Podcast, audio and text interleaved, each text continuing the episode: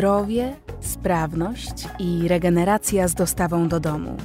Zamów wizytę domową fizjoterapeuty w Mobile Med. Zajrzyj na mobilemed.pl. Cześć! Witajcie w Zaprojektuj swoje życie. Tadeusz Kuropatwiński, przedsiębiorca, żeglarz, człowiek od trudnych wyzwań, człowiek, który zbudował XTB Brokers w Rumunii e, w wieku dwudziestu kilku lat. Potem podjął się paru e, wyzwań biznesowych, które były bardzo trudne. Opowiada o budowaniu zespołów, opowiada o relacjach e, ojciec-syn, opowiada o żeglarstwie, opowiada o tym, jak prowadzić biznes, będąc blisko siebie. Zapraszam Was bardzo serdecznie. Zaprojektuj swoje życie. Zapraszam Was do mojej autorskiej audycji Zaprojektuj swoje życie. Przedstawiam osoby, które podjęły nietuzinkowe wyzwania życiowe i biznesowe. Rozmawiamy o tym, co nas napędza i dokąd zmierzamy. Historie opowiadane przez moich gości zainspirują Was do świadomego i odważnego projektowania swojego życia. Cześć! Witajcie w kolejnym odcinku audycji Zaprojektuj swoje życie. Jak co tydzień, w czwartek o czwartej, zapraszamy dla Was interesujących gości, zadajemy im trudne pytania, szukamy zakrętów, wiraży, czy też zwrotów akcji w ich życiu, na których się wykoleili, czy wywrócili, czy też nauczyli czegoś nowego i próbujemy wraz z nimi uczyć się i uczyć Was. Jeżeli jesteś tutaj pierwszy raz, koniecznie subskrybujcie nasz kanał, dajcie nam lajka i dajcie komentarz. Sztuczna inteligencja to uwielbia, a my lubimy sztuczną inteligencję, bo poszerza nam zasięgi. Jeśli nie byliście jeszcze na zaprojektuj swój biznes.pl, zapraszam Was bardzo serdecznie. Społeczność, kursy, nagrania konferencji, bardzo dużo ciekawych rzeczy. Ten portal rośnie z każdym dniem. Dołączcie do nas. Dla tych, co nas oglądają, przyszedłem dzisiaj do, do biura w takiej koszulce, a siedzę w takiej. Nie wiem, jak to jest zrobione. Gość przyszedł, napisane Maciej Filipkowski, podcaster. Biorę. Dzisiejszym gościem Tadek Kuropatwiński. Tadeusz, witamy Cię bardzo serdecznie. Cześć Maciej, dzięki za zaproszenie. Tadeusz jest tak duży, że musiał się schylić przechodząc przez drzwi i ten fotel wybitnie nie jest dla niego zbudowany, więc zobaczymy jak nam to wyjdzie. Zasłania mi pytania swoim, swoją głową, więc nie wiem, czy pociągnę tą rozmowę. Ile my już się znamy? Pamiętasz, kiedy się spotkaliśmy pierwszy raz? Tak, pamiętam. To było jakoś, jak ja pracowałem w Naspersie i Mhm. miałem zajmować się fuzją. Twoja partnerka, Ania, powiedziała, że ty jesteś specem w ogóle od e-commerce'u w Polsce i masz dużo znajomych i spotkaliśmy się w... Ja specem od e-commerce'u? No, No, dobrze. To, to, wiesz, to, no- to, dobrze, trzymajmy się tej wersji. Taka była, wiesz, taki, Taki był pitch, intro, taki taki, był pitch. pitch. Pamiętam, że spotkaliśmy się w restauracji, w której zresztą ja miałem e, wesele swoje. To była Delicates Essencja, teraz już nie istniejąca. Bardzo fajny restauracja, szkoda, że nie istnieje. I spotkaliśmy się tam i to było bardzo ciekawe spotkanie. Minutę dosłownie na to poświęcę, ale to było bardzo fajne, bo... Bo? Bo ty, czy objawiłeś się w ogóle jako e, człowiek jakiś taki, no niesamowity, tak? Bo przyszedłeś i mówisz tak, to, no jakieś krótkie intro, ale od razu chciałeś jakiś biznes robić, to było jedno. A drugie to było, mówi, czy czytałeś książkę 4 godziny tydzień pracy? Ja No. mówię, że nie. To ściągnij ją, teraz. I ja wtedy zacząłem mi się pocić ręce delikatnie, wyciągnąłem szybko telefon i próbowałem coś tam Ale wyklikać. rozumiem, że trochę przerysowujesz. Nie, naprawdę. Wiesz, tak to zapamiętałem. No. Yy, I tą książkę ściągnąłem już później. Chyba nawet powiedziałem, bo się nam jakoś tak zestresowałem tym. Przeczytałem trochę. Tak do połowy, bo Tak potem się połowy. słaba. No, jakoś tak czytałem, później stwierdziłem, że to jakoś, wiesz... Nie ty. Nie ja. Może albo... No, ale było bardzo ciekawe, nie? W ogóle ten wstęp super. No i tak to zapamiętałem. No, a później nagle wstałeś, powiedziałeś, że jedziesz na komunię, czy na jakieś urodziny i masz telefon do wręczenia. No i pojechałeś. Aha, pierwsze spotkanie z Maciejem, tak? Zrobimy, zrobimy takie wycinki z wszystkich tych Tak było, audycji. no. To było bardzo ciekawe. No dobrze.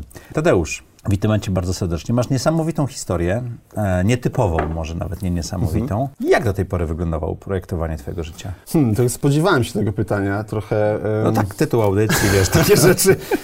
Projektowanie mojego życia. Wiesz co, ja myślę, że chyba trochę moja historia i, i moje projektowanie tak zwane, to, to trochę taka podróż do wewnątrz i szukanie siebie. Do pewnego momentu życia, gdzieś do 27, 9 roku życia, miałem taki jeden wektor, tak, kierunek jakiś, bo zawsze mnie interesowało wiele rzeczy, jakby twórczość i łączenie różnych elementów, tak. Miałem taką, wiesz, jak studiowałem w szkole głównej handlowej, a, a, a też, wiesz, dla jakiegoś takiego ubarwienia, to, to chciałem też być muzykiem zawodowym, różne rzeczy, ale gdzieś tam w czwartej klasie liceum, czy trzeciej, mieliśmy zajęcia z przedsiębiorczości i moja klasa wybrała mnie jako e, general managera jakiejś takiej, no wiesz, e, inicjatywy naszej To klasowej. się nazywało General Manager już? Tak, jakoś to było tak, wiesz, no, Prezes. że prezes, nie wiem, No.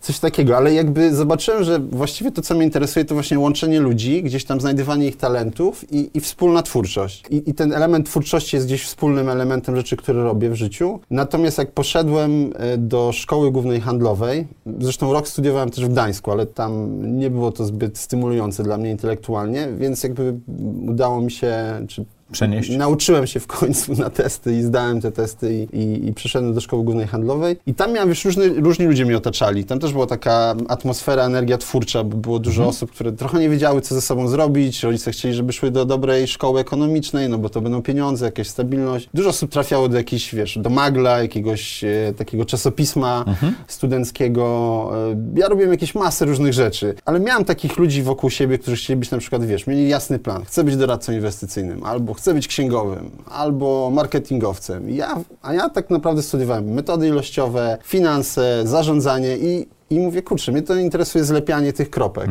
No i takim moim wtedy marzeniem jakimś byłoby ten, ten general manager, nie? To jakieś było takie... Bo już, bo już miałeś Bo doświadczenie, już tak? miałem z liceum.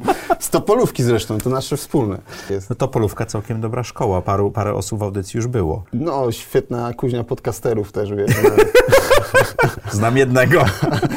Yy, no, ale w ogóle medialnych postaci, bo też Jacek Kurski Tak. kończył. A, Nie wiem, czy to Czy trzeba to jest, się trzeba chwalić. się chwalić, tak. No, ale to już pomijmy, e, spójrzmy na to zasłonę milczenia. Natomiast rzeczywiście tam była taka twórcza energia. Nie wiem jak za Mhm. twoich czasów, ale za moich rzeczywiście to było fajne w tej szkole. Mhm. Że trochę fajni ludzie się schodzili i, i to wystarczało, nie?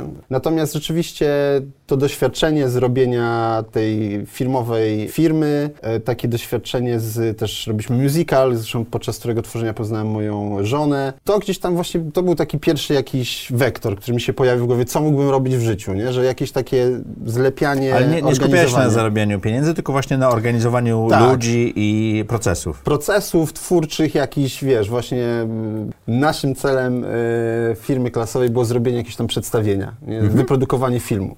Ale to jest takie samo jak robienie biznesu, tylko bez Tak. e, części ekonomicznej, tak? Tak, dokładnie. No i, i tam jakieś się takie pojawiły. Dostałem też jakiś feedback od, od pani, która uczyła nas przedsiębiorczości, y, którą pozdrawiam. Powiedziała, że fajnie jakoś tam w sytuacjach kryzysowych się zachowywałem, tak, y, że potrafiłem jakoś zachować spokój. No i później gdzieś tam przez studia to też znowu szukałem, tak, i, i uczyłem, chodziłem, to gdzieś szedłem trochę za taką wewnętrznym ogniem, pasją, uśmiechem trochę, tak, co mi Jak sprawiało... wylądowałeś w Accenture? Najlepsze zmiany zaczynają się od wewnątrz. Stosuję tę zasadę w biznesie i życiu osobistym. Urządzając nowe studio, zadbałem o to, aby nasze wnętrze było estetyczne i praktyczne. Panele od Good for Wall zapewniają idealne wyciszenie podczas nagrań, cieszą oko i są łatwe w montażu. Sprawdzają się idealnie w studio, w biurze, jak i w domowym zaciszu. Zaprojektuj swoją przestrzeń z Good for Wall.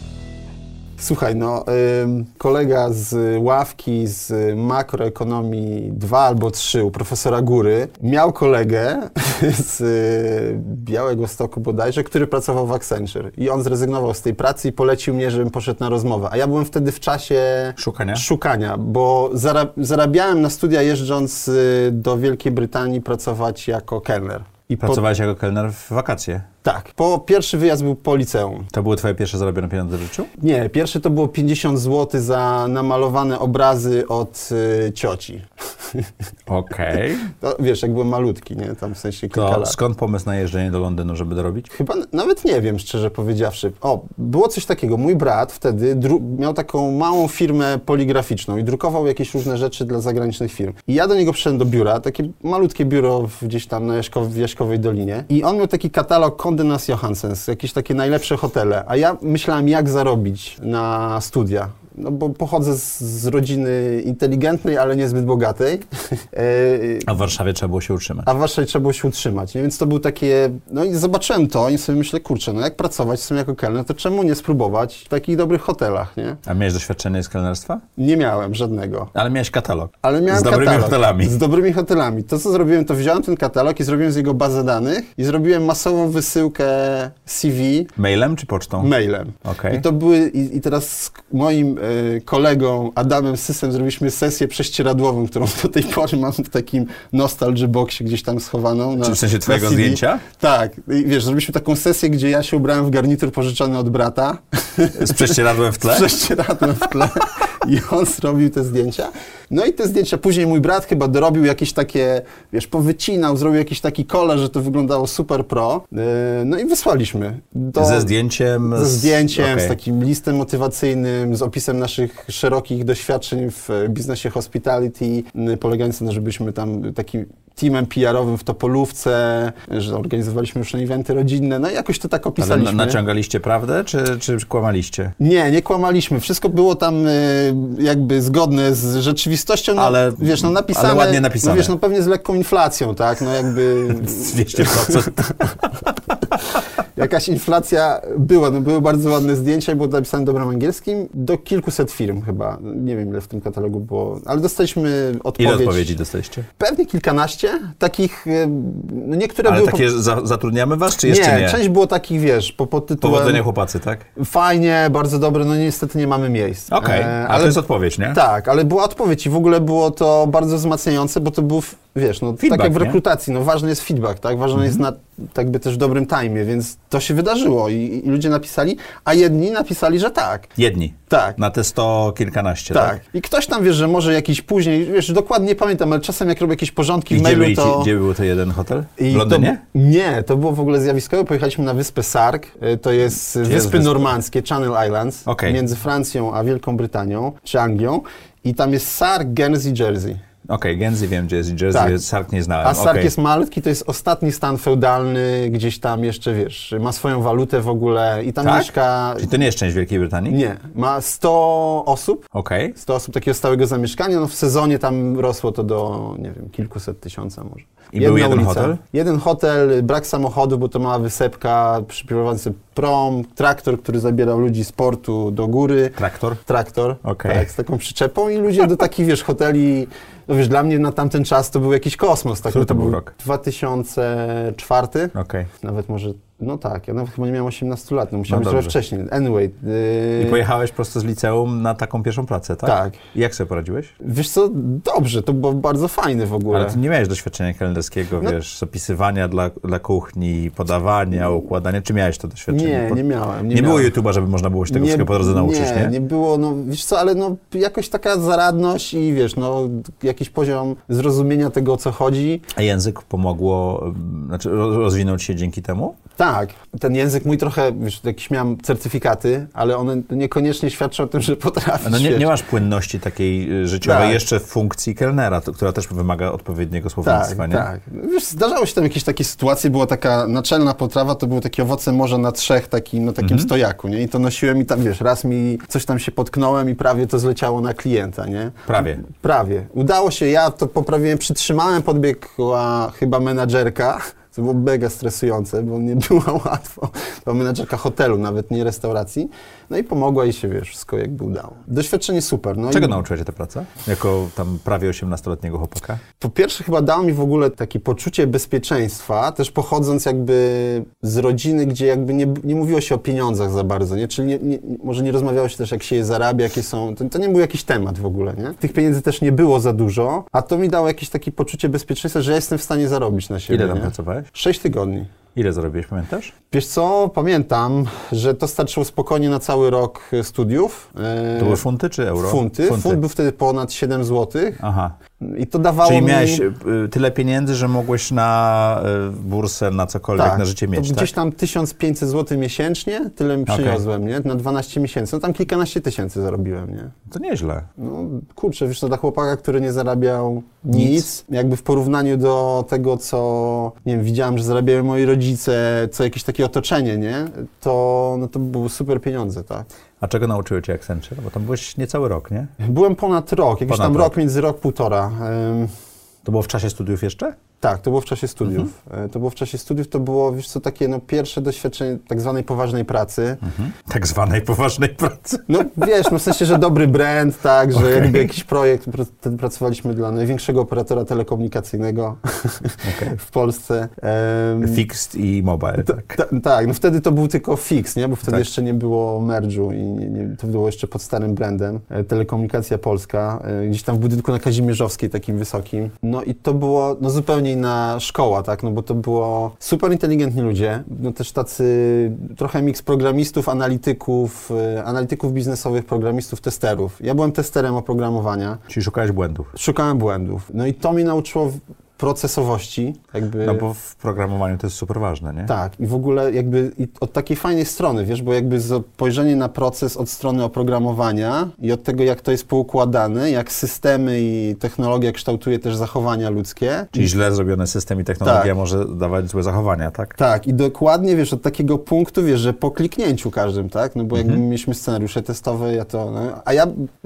Fajne było to, że ja, wiesz, no, też znowu nie wiedziałem, co z tą pracą, tak? No, przyszedłem, dostałem i rzucili mi taki, wiesz, stos, op- stos dokumentacji. Przejdź przez to, tak? Tak, no przeczytaj. Ja to wszystko przeczytałem, nie? Okazało się, że byłem chyba jedną z niewielu osób, która przeczytała, bo wszyscy mieli, wiesz, jakoś luźniej do tego podchodzili, a, a że to była moja taka właśnie pierwsza poważna praca, no to ja, wiesz, wszystkie ręce na pokład i kurczę, jest zadanie do zrobienia, trzeba, trzeba robić, tak? No to czytałem, siedziałem, czytałem, a później klikałem, wynajdywałem błędy i chyba byłem niezły w tym, bo i miałem dobre relacje z programistami i z klientami, też jako, mimo to, że byłem praktykantem, gdzieś tam miałem jakąś ekspozycję na klientów. No, super doświadczenie. No i poznałem, wiesz, jak się pracuje właśnie wysokim standardem jakości i etyki pracy. No bo Accenture wtedy było jednak, no jest dobrym brandem, tak? I, i gdzieś tam nie mogło sobie pozwolić pewnie na, na błędy czy na jakieś niedopatrzenia, więc tam wszystko było naprawdę zapięte Czyli na to była dobra lekcja. Super lekcja. Dla młodego chłopaka, który jeszcze nie miał Super. takich doświadczeń, to ci poukładało trochę takiego zrozumienia biznesu dobrze prowadzonego, nie? Tak, i, i to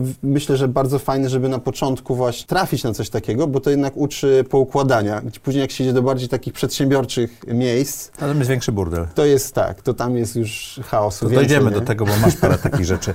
Jak wylądowałeś w X-Trade Brokers? Bo to taka duża zmiana między kelnerstwem w czasie wakacji, e, by, bycie testerem oprogramowania, firmę, która wtedy rosła bardzo szybko, prawda? Tak. To było tak, bo ja do Accenture trafiłem jakoś w okolicach 2008 roku i no wtedy był kryzys. Nie? Więc wcześniej było tak, że my bierzemy wszystkich z przystanku, nie? W sensie, że po prostu było, no, było mega Ludzi potrzeba. na ludzi, tak? A później było tak, że ci, tych ludzi na ławki się upychało, nie? Tak zwaną ławeczkę. Wiesz, ja jako praktykant, młody analityk, no dopiero zaczynałem, byłem dobry, myślę, i miałem jakieś tam różne propozycje, czy chodziłem na jakieś rozmowy do jakichś nowych projektów, ale sobie pomyślałem, kurczę, jestem młody. Accenture miało tak, że ja mogłem sobie wyobrazić, co ja będę robił za 10 Ta lat. ścieżka była przewidywalna. Bardzo przewidywalna. Nie? Czyli zostajesz analitykiem, starszym analitykiem, konsultantem, menadżerem, starszym menadżerem, Partnerem. partnerem, i może jakimś tam zarządzającym. Tak? Jak masz super e, szczęście, dobrze pracujesz, no i jest miejsce. Tak? E, wiedziałem, jaki mniej więcej mógł mieć samochód służbowy, Ile mniej więcej zarabiać? ile zarabiać. Więc to było takie przewidywalne. Ja sobie pomyślałem, A nie chciałeś przewidywalności? Wtedy nie. Okej. Wtedy nie. Wtedy jakby chyba bardziej myślałem sobie, kurczę, jeszcze jest jakiś świat, którego ja no, chcę poeksplorować. Czyli to E, było to, to 29 lat, które mówiłeś, że odkrywanie świata, tak, tak? odkrywanie. I, I wtedy sobie pomyślałem, no wiesz, jeszcze miałem z tyłu głowy ten taki wektor pod tytułem, ok, chcę być general managerem, tak? Mhm. Jak mógłbym to zrobić będąc w Accenture? Pewnie mógłbym to wejść na jakieś stanowisko partnera i 15 później lat. zrobić na 15 lat przeskok, jak jakiś headhunter zadzwoni i Mhm. powie, panie Januszu, mam świetną rolę i coś. No i, i jeszcze był jeden aspekt, gdzie byłem w SGH w programie CEMS, który wymagał tego, żeby wyjechać na praktyki zagraniczne. Mhm. I zacząłem rozmawiać z HR-em w Accenture, żeby to zrobić. No I tam była jakaś możliwość, może jakiegoś Londynu, oczywiście też super sexy, tak, no bo i Londyn, i super brand. Myślę, że to na CV wygląda fajnie. Ale też sobie zacząłem y, wchodzić wtedy na portal, na zasadzie chyba Job Pilot, no jakiś jeden z takich portali, Mhm. wiesz, y, jobboardów. No i wysłałem między innymi do Accenture, nie do Accenture, do, Do XTB. XTB. Do XTB. Szukali ty- ty- praktykanta ty- w dziale marketingu. Ty bardzo wierzysz w takie rozsyłanie, jak widzę, tak? I to coś wraca. Nie. Wiesz co, to jakby chyba nawet Przypadek? nie, no nie przypadek, no takie wiesz, trochę po prostu zobaczenie jakiejś możliwości pod tytułem katalog i okej, wyślę, zobaczymy, co się wydarzy. I tutaj ogłoszenie o pracę i też Ogłoszenie o pracy, szukają praktykanta do działu marketingu. Ja marketing lubiłem, miałem piątkę.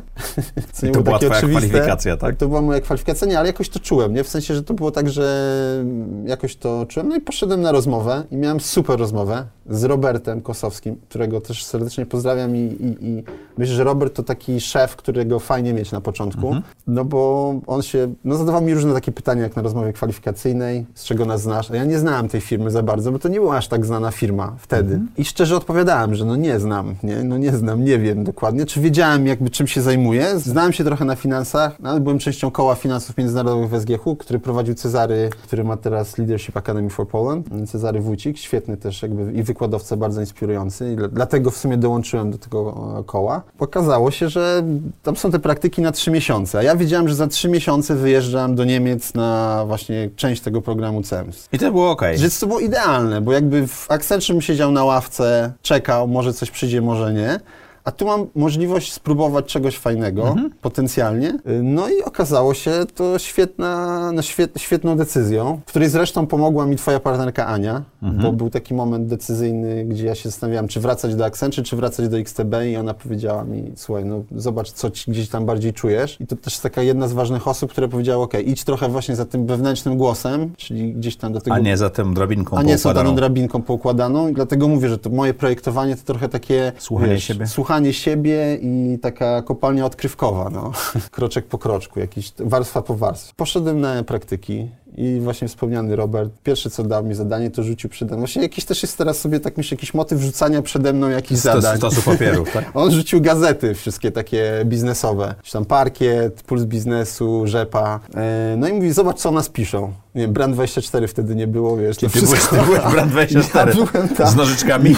Ja byłem takim analogowym, wiesz, sadowskim, który wiesz, bierze i, i, i ja z tym takim zaznaczaczem, nie? No i znowu dostałem zadanie, no to jedziemy zadanie. No to wiesz, do deski do deski przeczytałem, wszystko wynotowałem, zrobiłem notatki, mówię, słuchaj, no tutaj jest takie zagrożenie, tu może się stać to. Tu tak o nas wspomniałem, kurczę, jaka w ogóle ten, że fajna analiza, nie? No i później... Czyli nie, nie tylko wyciąłeś kawałki, ale też napisałeś, co o Tak. tym myślisz, tak? Tak, jakiś taki, wiesz, no podsumowanie. Mhm. No i później pamiętam, miałem taką rozmowę twardą bardzo. Robert powiedział, słuchaj, to nie są przelewki, to nie jest jakaś tam, my traktujemy Ciebie tutaj serio, jest konkretne zadanie do zrobienia, masz zrobić kampanię promującą rachunki maklerskie. Kampanię. No dobra, no to jak się robi kampanię? No to zacząłem tam grzebać w swoich notatkach, wiesz, marketingowych. Mówię, no trzeba jakąś strategię, czy ta firma ma strategię, czy oni wiedzą, kim są, czy wiedzą, jakie mają pozycjonowanie. No i zacząłem zadawać te pytania. Mówię, Kurczę, co za pytania? Nikt nam nie zadawał tych pytań. Mówię, no ale no wiesz, A to rozumiem z notat notatek z wykładów, tak? a tak, to był od profesor Przybyłowski, świetny, też jakiś taki bardzo Mhm. inspirujący. I no jakieś tam były, wiesz, różne piramidki, różne frameworki marketingowe, no i ja to, wiesz, zacząłem i mówię, no jest framework, jest ten, no po to jest, chyba go żeby z niego korzystać, tak? Mhm. No i pamiętam, że zacząłem robić wywiady, no nie ma takich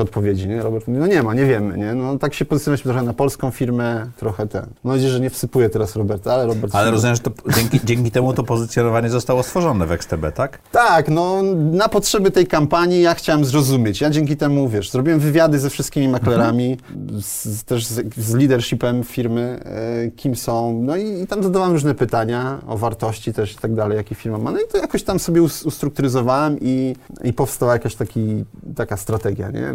I Pozycjonowania. pojechałeś na ten CEMS? Pojechałem na ten CEMS. E, Czyli zwolniłeś się z XTB? Zwolniłem się wtedy, tak, no zakończyłem praktyki. Tak. Ja zresztą, e, wiesz, chyba w trzecim tygodniu poszedłem po podwyżkę. Dostałeś?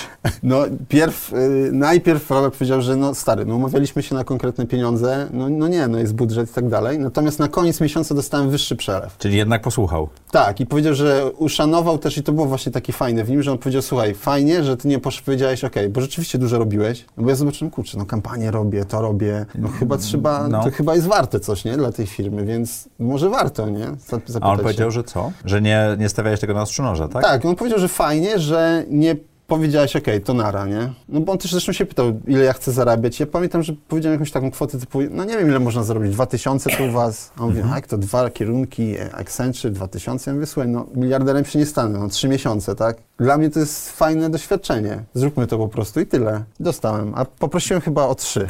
I to było super. To jak się stało, że potem się wylądowałeś znowu w XTB? Eee, To ty, czy oni, czy jak to zadziałało? Kurczę, co, chyba nie pamiętam, ale chyba dostałem jakiegoś maila od Roberta właśnie i chyba było też coś takiego, że XTB się bardzo szybko rozwijało, międzynarodowo też. I to było dla mnie jakaś szansa, bo w ramach CEMSU miałem mieć te praktyki, więc sobie pomyślałem, kurczę, czemu nie tam? I pamiętam, że mieliśmy taką dżentelmeńską umowę właśnie z Robertem, że ja przychodzę na trzy miesiące. Jeżeli w, w ciągu tych trzech miesięcy będę mógł gdzieś wyjechać, to zostaję. A jeżeli nie, no to wracam na przykład do Accenture, tak? Bo tam mam możliwość realizacji też tego planu wyjazdu. Wtedy też właśnie pojawiła się Ania, twoja partnerka, gdzie też mnie wsparła właśnie w tym, żeby no, zdecydować. Ja gdzieś tam zdecydowałem się, żeby... W takim jakimś programie mentoringowym byłeś, tak? Tak, czy, tak. Coś takiego było? W ramach tego CEMSU to był ten pro, Okej. program mentoringowy y, i też jakoś... A nie, w McKinsey'u wtedy Tak, robiła. No. tak. A ja chciałem być, wiesz, trochę zawsze czytałem gdzieś tam w bibliotece głównej SGH były te McKinsey Quarterly wykładane ja sobie pomiędzy ciekawymi bardziej lub mniej wykładami chodziłem i czytałem te i tam miałem takie, o kurczę, ale fajnie pokazane dane, Mhm. ale to fajnie zrobione, więc ten McKinsey się jawił rzeczywiście jako coś takiego super e, i dlatego też chciałem mieć mentora stamtąd. No i znalazłem się w XTB, e, no i skracając samą historię, ale jakby po tych Wylądowałeś w Rumunii. tak, i wylądowałem w Rumunii, chociaż miałem jechać do Chin. E, wtedy, wtedy ówczesna moja dziewczyna, e, teraz żona, studiowała sinologię, więc to było dla mnie w ogóle super, że pojedziemy może razem do Chin. Rumuński trochę inny język. No i nagle tam okazało się, że gościu, że nagle znaleźć jakiegoś Chińczyka do tych Chin, więc ja już nie. Później nagle może Mi Milano, Mediolan, mówię, o Włochy, super, nie? No i nagle się okazało, że gościu Omar, który zresztą jest teraz prezesem e, XTB, trafił z Rumunii do właśnie Mediolanu. No więc tak już zacząłem trochę czuć, że to może jednak ta Rumunia będzie. Czyli nie Pekin, nie Mediolan, tylko Tylko Bukareszt. Bukareszt, tak. I ja nic nie wiedziałam o Rumunii. Nie? W Mhm. sensie, no była taka rozmowa, że y, pamiętam, że właśnie Robert razem z prezesem. A w Polsce było dużo takich wyobrażeń o Rumunii wtedy, nie? Tak, no ja to zostałem jeszcze, pamiętam, że jak ja pracowałem e, w Anglii, to pracowaliśmy z ludźmi z Rumunii. E, Moja żona ciągle mnie karciła, wtedy dziewczyna, tak, za to, że ja mówię cyganie na przykład, nie? No, bo no, taki nie, nieokrzesany. No tak? no jakby- tak, takie było, e, taka była percepcja wtedy, tak, nie? no taka była percepcja może i, i też no, brak wiedzy mój w ogóle, Mhm. tak, o kraju. I, I pamiętam, że właśnie Robert z, z Kubą Zabłockim, czyli prezesem, właścicielem XTB, wrócili z Bukaresztu, no i oni tam, o, ogóle jakie super miasto, jakie świetne, ja mówię, o, no to będzie Bukareszt?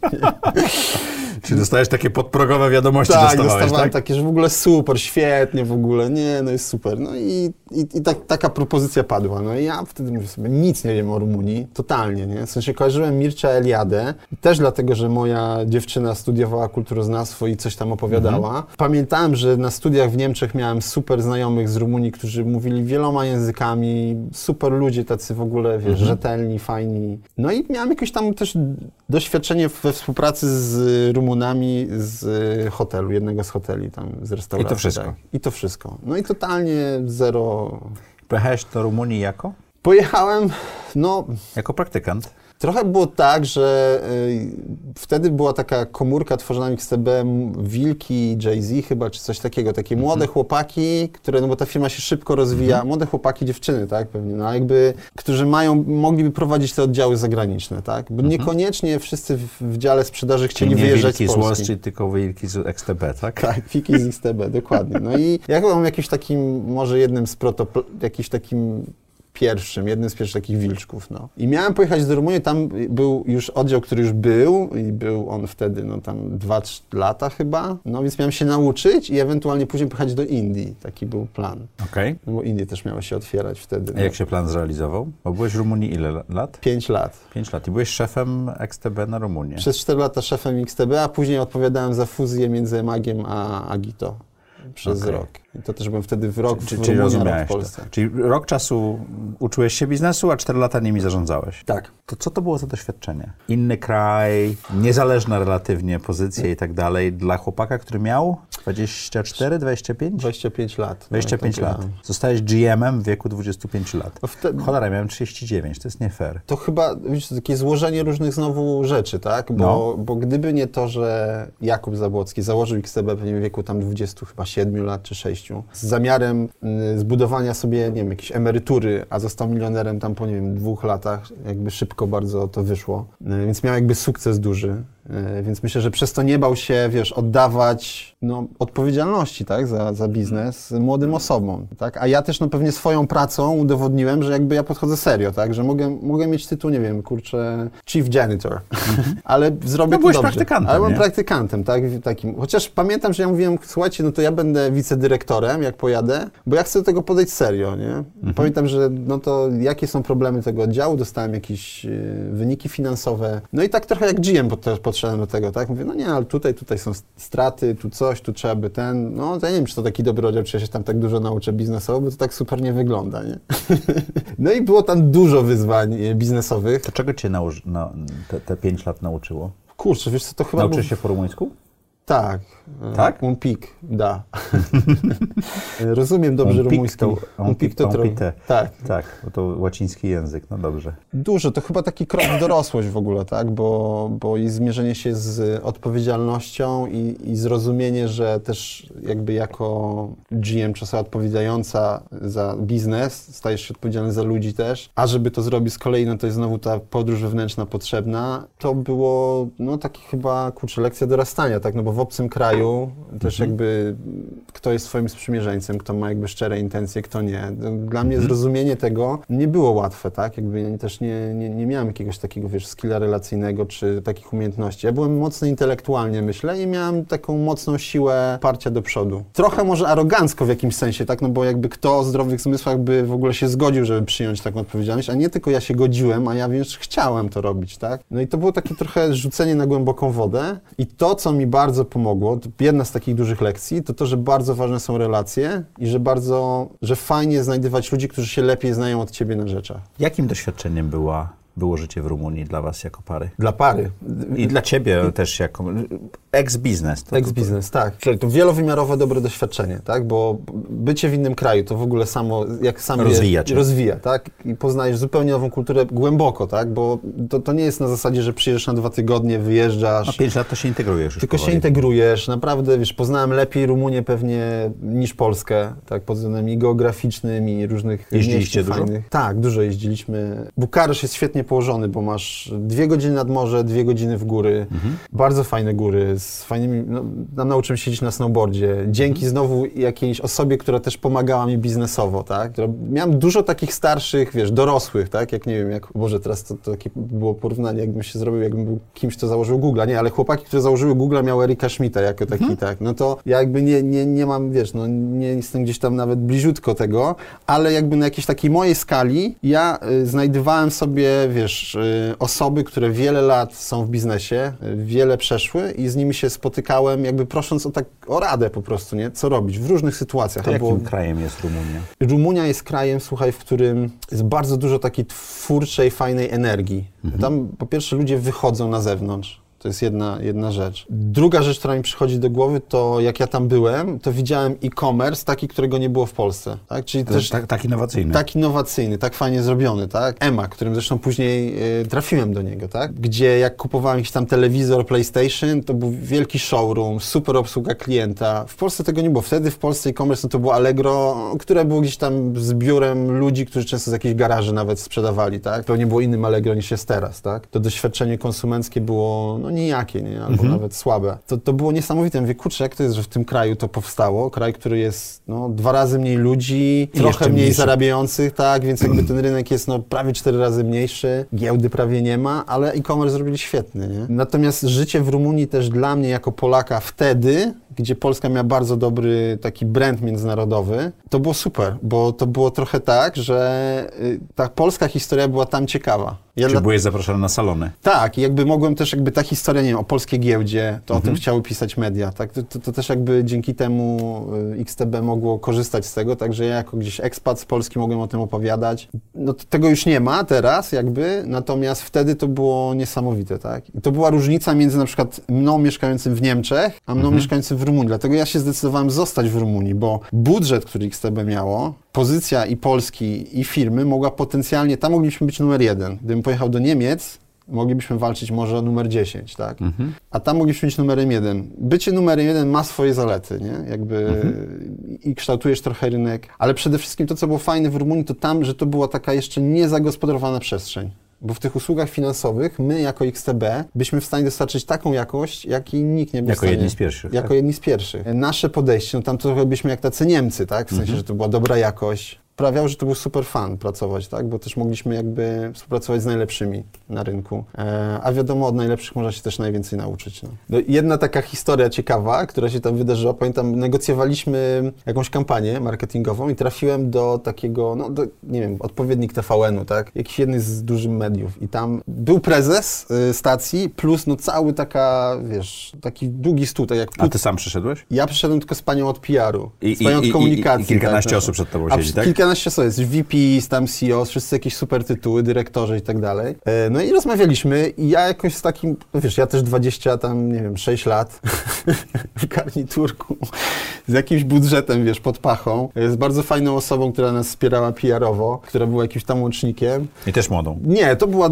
Doświadczona osoba. doświadczona osoba. Raczej otaczałem się bardzo doświadczonymi osobami, nie? Wiedziałem, Mhm. że to jest jakby coś, czego ja nie mam, więc muszę to gdzieś zbudować wokół siebie. I pamiętam, że ten prezes tej stacji na końcu powiedział, nie wiem, no jakoś go ująłem też jakąś historią, czy jakimś swoim, może jakimś takim dziwnym przekleństwem trochę rumuńskim, Mhm. wiesz, bo ja się uczyłem i też takie podłapywałem jakieś śmieszne, a oni mieli takie bardzo poetyckie różne przekleństwa, które właściwie nie brzmią brzydko, tak? A są, ludzie się śmieją. No ja to jakoś chyba powiedziałem, że chyba ta oferta to jest jakieś takie, no, coś. I on się zaczął śmiać i w ogóle na końcu, i powiedział tak, spojrzał się, miał taki duży sygnet i powiedział, Tadeusz, I want to do business with you. no i to było dla mnie jakieś takie zjawiskowe, wiesz. e, Okej.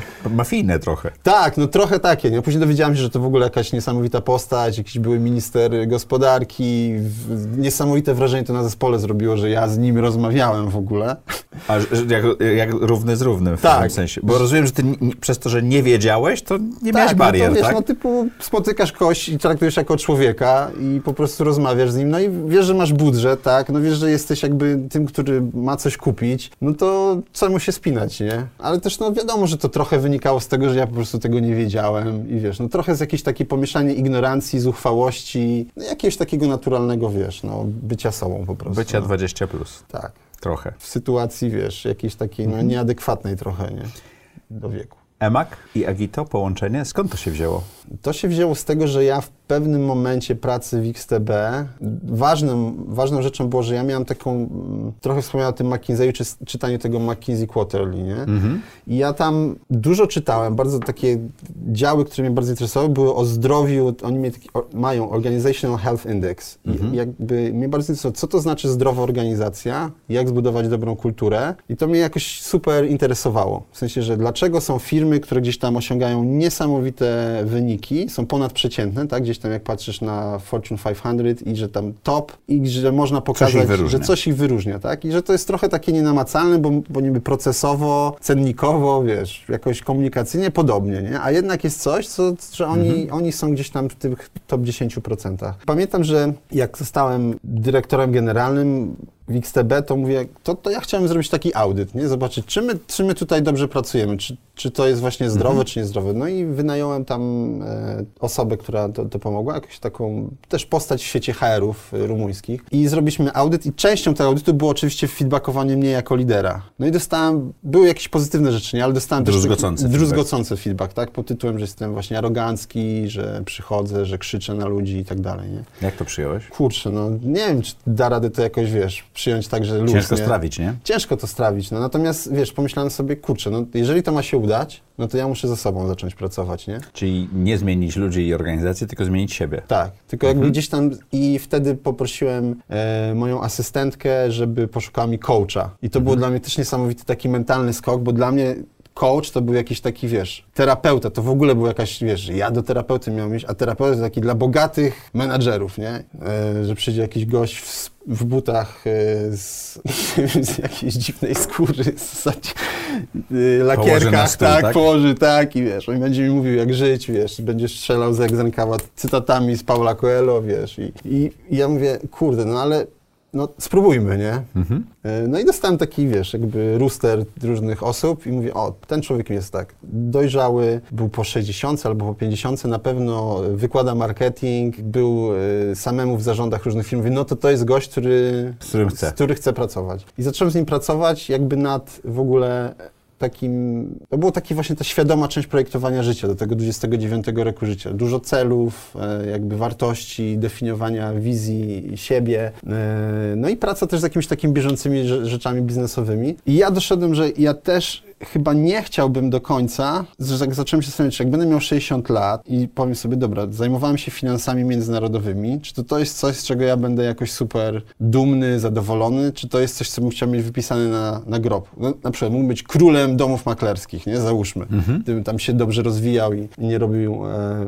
jakichś nie popełniał gigantycznych błędów. No i pomyślałem sobie, że nie, że chciałbym też znowu spróbować czegoś innego. I to chyba ten proces otwierania się na to coś innego sprawił, że ja zacząłem rozmawiać z różnymi ludźmi. Pojawił się Naspers, tak? Gdzieś tam w tych rozmowach. Też gdzieś tam miałem poczucie, że zakończy się moja misja w XTB, bo i weszliśmy na numer jeden na rynku i żeśmy gdzieś tam z ogona wszystkich oddziałów przeszli na sam czub. W takich no, relatywnych jakby, wiadomo, liczbach, bo ten, ten rynek nie mógł osiągnąć takich wyników mhm. jak Polska, czy tam jakieś inne rozwinięte rynki bardziej. Hiszpania na przykład, czy Czechy. Natomiast jakby robiliśmy na tym, w ramach tego rynku dobrą robotę. I miałem też zastęp, następcę, tak? Bo ja też czytając te różne, pomyślałem, że ważna jest sukcesja. Czyli tą ławkę miałeś zapasową. Tak, więc już miałem zbudowany zespół. I pamiętam, że pojechałem na wakacje do Maroko z moim przyjacielem, z którym się przeżyliśmy od tamtej pory. Jakoś poznaliśmy się, to był 2012 rok, poznaliśmy się z Martinem i Martin napisał w październiku, słuchaj, organizuję wyjazd do Maroko, może chcecie jechać. Pojechaliśmy chyba na dwa tygodnie,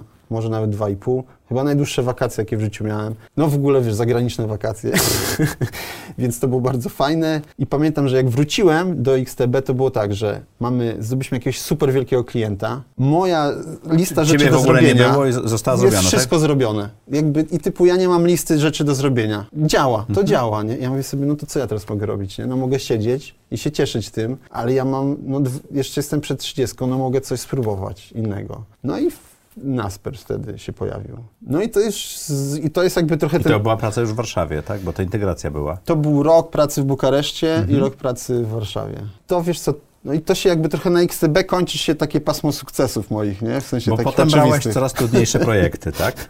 Bo, był, bo było e, połączenie Emaga i Agito. Tak. Emaga już w Polsce nie ma. E, był Bilon, w którym ja jestem inwestorem, tak. który ciągle tworzy produkt tak. od lat i ma niesamowite rzeczy, jeżeli chodzi o technologię, tak. ale sukcesy sprzedażowe jeszcze nie, nie nadeszły.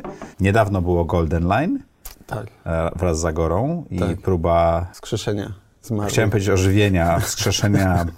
Próbowałem być miły, tak.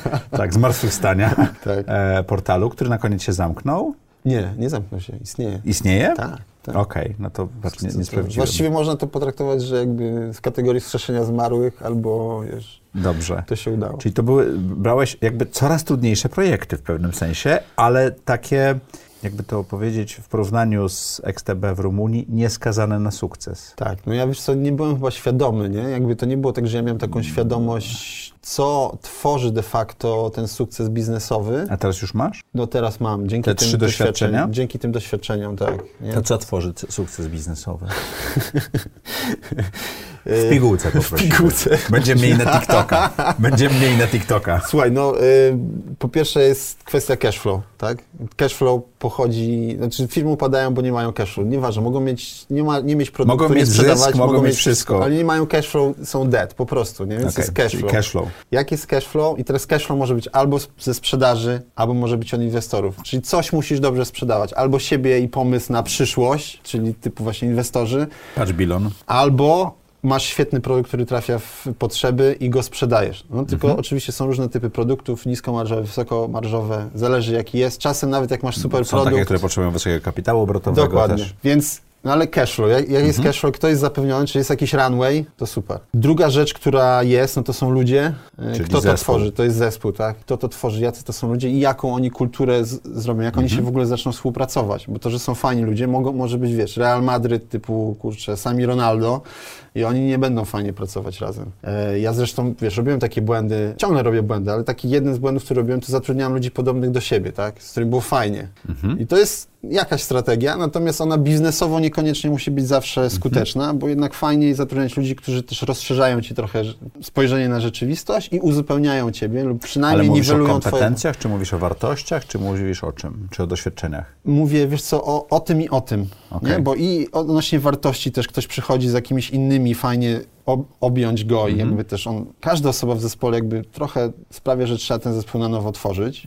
I kompetencje oczywiście. Ja mam jakieś swoje rzeczy, w których jestem totalnie słaby, albo no może się trochę nauczyłem, tak, ale są ludzie, którzy są dużo lepsi ode mnie po prostu. E, więc ludzie i kulturę, jaką tworzą. Kolejny element, no to taka lekcja z Naspersa miała, było tam dużo się poświęciłem na strategię, tam mieliśmy pieniądze na badania, na korzystanie też z najlepszych jakby różnych zasobów.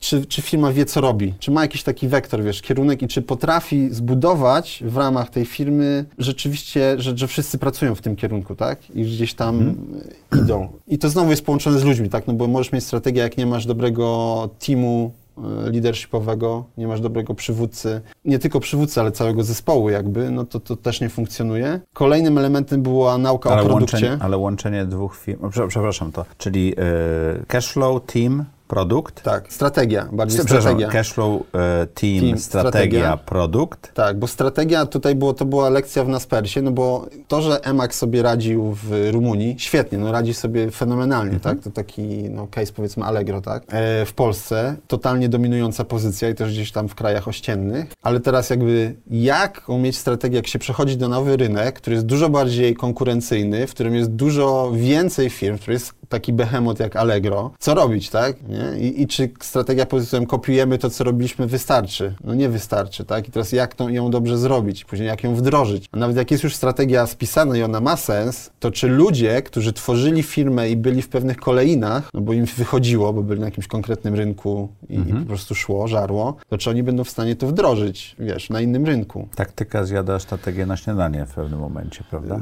Kultura, tak. Kultura zjada strategię na śniadanie, prawda? Totalnie, totalnie. Jakby jeżeli nie ma, wiesz, jeżeli nie ma tego mentalu, takiego mindsetu, gdzie jesteś otwarty, i to wynika trochę, wiesz, to jest w zarządzie. Czy te osoby były za granicą? Czy te osoby mają zrozumienie? Czy potrafią myśleć wielokulturowo? Czy tak? pracowały tylko w jednej organizacji, czy pracowały w wielu? Czyli osoba z Polski robiąca merger jest problemem i osoba z Rumunii w Polsce też jest problemem, bo nie ma tyle ta, takiego spojrzenia szerokiego, Tak. prawda? Ja miałem na szczęście spojrzenie z dwóch krajów. stron. E, ale no to, to, to nie wystarczyło. To Później To co się stało, że to nie zadziałało? Ja nie wiem, czy to mogło zadziałać w jakimś sensie, nie? Okej. W takim sensie, jak sobie teraz myślę już tak z perspektywy czasu, jakie miała, jeszcze raz to robił, tak? Wtedy znowu, ja, wiesz, może nie miałem takiego... Ja, ja po prostu potraktowałem to... Wiesz, no to było tak, że Naspers dostał taki, czy Emak dostał taki glejt od Naspersa, robimy, no i trzeba było robić po prostu. Ja byłem tą osobą do robienia. I to nie było tak, że żeśmy do wymyślania, czy my to robimy, czy nie robimy. Więc ja już nie przyszedłem w momencie, gdzie myślimy, ok, może to zmerdżować, tylko po prostu robimy. I myślę, wiesz co, jeden taki, myślę, że prosty, namacalna rzecz, która będzie konkretna dla, dla, też dla słuchaczy, to to, że no wiadomo, to jest technologia, tak? Czyli ja sobie pomyślałem i zresztą w Emagu był zespół menadżerów, liderów, którzy wyrastali z technologii. Oni jakby byli często eksprogramistami. Ja chciałem zrobić coś, co będzie bardzo namacalne, szybkie, więc i, i- to było też jakby spotkało się z dobrym odbiorem w tym zespole menedżerskim, czyli z, jakby jak, no, trzeba ustawić technologię, a pod to się podepnie ludzi. Chociaż mój pierwszy pomysł był taki, że jednak trzeba zacząć od ludzi. No ale też szybko zostałem przekonany, że jednak no, większość gremium e, i nawet jak się pytałem już z jakichś takich doradców zewnętrznych, to mówili, no Tadek, ale ile ty robiłeś w retailu, nie? W e-commerce? Ja Mówię, no nie, no ja pracowałem w finansach. No to może jednak się posłuchaj, bo, bo jednak tam jest e, wiedza nie? i sukces. No i to róbmy te systemy IT. No i pod samym względem integracji tych systemów IT to był kosmiczny projekt, tak? W sensie kosmiczny. To To znaczy, pochłonął dużo wiedzy, czasu i energii, tak? Słuchaj, no wszystkie systemy do zarządzania magazynem, sprzedażą, platforma własnej e-commerce, która nigdy nie była jakby tłumaczona na inny język, która nie ma dokumentacji, no totalny kosmos, tak? W sensie jakby, no to po prostu tak Amazona ponoć też tak technologia wyglądała, nie wiem czy jeszcze wygląda, ale tak to, jak szybko rośniesz, to po prostu Nie zwracasz na nie to zwracasz uwagi. na to uwagi, nie myślisz, wiesz, no jakby jak zaczynasz firmę, to myślisz sobie, no będę kiedyś się merdżował, to muszę mieć super spisaną strategię marketingową, IT, wszystko, Dokumentację- żeby przyjść, dokumentację softu. tak, bo przyjdzie, wiesz, integration manager i on poprosi dokumenty, tak? Jak ja przyszedłem i się zacząłem prosić, no i to była, wiesz, taka To jest praca, w której nie dostałeś e, tego stosu. To była pierwsza praca, gdzie nie dostałem żadnego stosu. To powinien być taki, taki dzwonek, rozumiem, alarmowy, tak? Słuchaj, to, czy to jest tak, że taką tezę mam, e, poproszę obroń ją lub obal. To jest tak, że ten sukces, który odniosłeś na początku swojej kariery, m, przed 29 rokiem życia, w pewnym sensie dał ci nierealne oczekiwania e, do rzeczy, które potem nastąpiły. Myślę, że może tak być. Wiesz co, myślę, że może tak być, jakby, że Dużo się nauczyłeś, ale jednak sukces uczy mniej niż e, Tak. problemy, nie? tak. I wiesz co, zresztą jak obserwowałem zawsze inwestorów, z którymi współpracowaliśmy w XTB, to najlepsi byli jednak ci, którzy na początku stracili pieniądze. Okej, o, rozwin to. Wiesz co, no bo oni jakby nabierali pokory, Czyli nie mieli nie sz- szalonych pomysłów, co szalonych rynek pomysłów, zrobi, co tak? rynek zrobi, tak. I oni nabierali pokory i oni, wiesz, oni robili by the book, tak. Oni robili zgodnie ze sztuką. Oni mieli konta w różnych firmach, mieli portfolio, zarządzali tym portfolio. część wystrzeli, część ryzyko, spadnie. Tak. No, byli tacy, co wiesz, myśleli, raz się udało, no to jedziemy, Cały majątek. majątek i, i wiesz, później przychodzili, mówią, kurczę, muszę zostawić dom. I nawet jeszcze niektórzy przychodzili, mówili, chcę zostawić dom i zainwestować. Znaczy my oczywiście jako dobra firma inwestycyjna odradzaliśmy i nie pozwalaliśmy też, tak, niektórym, co było Tacy też wyjątkowe. też byli? Byli, tak. No. Okej. Byli ludzie, którzy przychodzili, chcieli gotówkę, wiesz, za nie zdeponować. Z, z, nie, z niewiadomych źródeł, tak? tak, no jakby, wiesz, jakby, no... No, ale wtedy KYC tak nie działało chyba mocno. Nie, my myśmy, wiesz co, akurat XTB super zawsze dbało i dba i jest y, Mhm. bardzo, wiesz, my mieliśmy naprawdę najwyższe standardy etyczne i jakby, jakby jeżeli chodzi o To, to, to i tak wracając do tych e, trzech doświadczeń, Naspersa, Mhm. Bilona i Golden Line. Co, bo to były projekty po kilka lat średnio. dwóch lat, Do, do dwóch lat, do, lata. półtora roku do dwóch, tak. Tak. jakoś to wychodziło. Gdzie wchodziłeś coś zbudować, coś naprawić, Tak. coś zrewolucjonizować, tak? E, I wydaje się, że ka każdy kolejny był coraz bardziej trudny do osiągnięcia sukcesu, tak patrząc w tej, w tej chwili z perspektywy Mhm. czasu. Co cię do tych projektów przyciągało? chyba swego rodzaju wyzwanie i na przykład Naspers przyciągnął mnie do tego, że jest jakby, pracow pracowałem w biznesie, w którym były wysokie marże i dość niszowy biznes, a tutaj były bardzo niskie marże i bardzo Commodity. mainstream, mainstreamowy biznes, czyli jakby ta krzywa uczenia potencjalna no była super tutaj. Tak, jakby to zupełnie inne podejście. Plus no wyzwanie pod tytułem, że większość fuzji nie wychodzi, integracji. 80% połączeń Nawet nie wychodzi. 90, wiesz, to, to są no jakby, masz A ba- ty bardzo małe uwierzyłeś w siebie, że będziesz tymi 10%? nie, wiesz co, chyba to, ja nie miałem takiej wiary, że to na pewno wyjdzie. Ja zresztą pamiętam, jak dzwoniłem do jakichś swoich przyjaciół, mówię, kurczę, ale fajna rola, wiesz, yy, to chyba jednak za dużo dla mnie jest, nie? Ja, ja miałem świadomość, wiesz, jakby skali tego. Ja też bardzo mocno się przygotowałem. Od razu, wiesz, od razu zadzwoniłem do swojego coacha, mówię, słuchaj, muszę, potrzebuję wsparcia. Od razu zadzwonię do wszystkich przyjaciół, którzy rozmawialiśmy, znałem, wiesz, rozmawialiśmy to, co mówiłeś Ani, na początku. która, tak? wiesz, która, dzięki czemu się spotkaliśmy Czytaj tak, z książkę. tobą. Czytaj książkę, tak. Więc ja miałem świadomość tego, że to są, wiesz, że to jest gigantyczne wyzwanie. Y, organizacja też miała, bo to też był pierwszy projekt w ogóle w Naspersie taki. Więc no, wiesz co, to są takie czynniki, które sprawiają, że to jest świetne na, do nauki, nie? I, I kurczę, no ja się czuję, wiesz, mega szczęśliwy, że mogłem tego doświadczyć. Wiesz, no bo to jednak doświadczyłem tego nie w swojej firmie, nie na swoim kapitale, tylko doświadczyłem to dzięki temu, że firma, wiesz... To czym się różniły te doświadczenia? Bo Naspers jest dużą organizacją Tak. inwestującą w firmy. Bilon jest e, relatywnie małym startupem. Golden Line był przy Agorze, jest przy Agorze, tak? To dużej. Dużej, dużej firmie działającej w bardzo tradycyjnym modelu. Jakie to były jakie to były różnice między tymi doświadczeniami i co, co ci dało właśnie taka, taka zmiana? Nie, nie mówię już samych projektów, tylko właśnie właścicieli czy menadżerów wokół ciebie. Każda z tych firm miała naprawdę, tak jak mówisz, zupełnie różny, Różną kulturę. różną kulturę, zupełnie różną konstrukcję właścicielską, mm, zupełnie inne style zarządzania I dynamikę pewno też i różną. zupełnie inną dynamikę. To, i i każdy miał zupełnie inne wyzwanie. Na Spersie to w ogóle integracja jest wyzwaniem samym sobie. Tam było dużo takich strategicznych wyzwań, ludzkich, kulturowych oczywiście też. W Bilonie największe wyzwanie było wyzwanie produktowe, czyli jak wziąć technologię, która no, ma jakieś unikalne właściwości, tak? E, I, i może można coś z tego fajnego two- stworzyć, ale nie wiadomo do końca co, bo można wszystko właściwie i trzeba wybrać, więc tutaj Mhm. A dużo- wszystko to jest nic. a wszystko to jest nic, a to jest pro, jakby, czy to jest jakby zupełnie no jeszcze fundamentalna technologia, tak? Czyli na tym dopiero, no tak jak mamy teraz już jest Web, web 3.0, tak teraz się to już po kilku latach jakoś jest to bardziej ustrukturyzowane, tak? Wtedy to, wiesz, no, no man's land, tak? Jakby nie ma żadnej mapy, nie wiadomo co robić. Ale dla mnie to było ekscytujące, że jedną z takich mant, która była trochę w Naspersie było, że przyjdzie Amazon. Jak robi Amazon? I to trochę, wiesz co, to trochę zabiera jakby Kreatywność. kreatywność, nie? No bo myślę, no to, to po prostu to przestańmy, a ja lubię gdzieś osiągać cele i sobie mówię, to już przestańmy o tym gadać. No to skopiujmy wszystko po prostu i tyle. No to po czym gadać? To trzeba zatrudnić ludzi, którzy skopiują i tyle. Nie musimy tworzyć tworzyć, ale to moim zdaniem będzie też złe podejście, no bo Amazon już jest, no jeżeli chcesz wygrać z Amazonem, a on ma super większ, dużo większą skalę, no to nie możesz To- robić tego nie samego. może być Amazonem.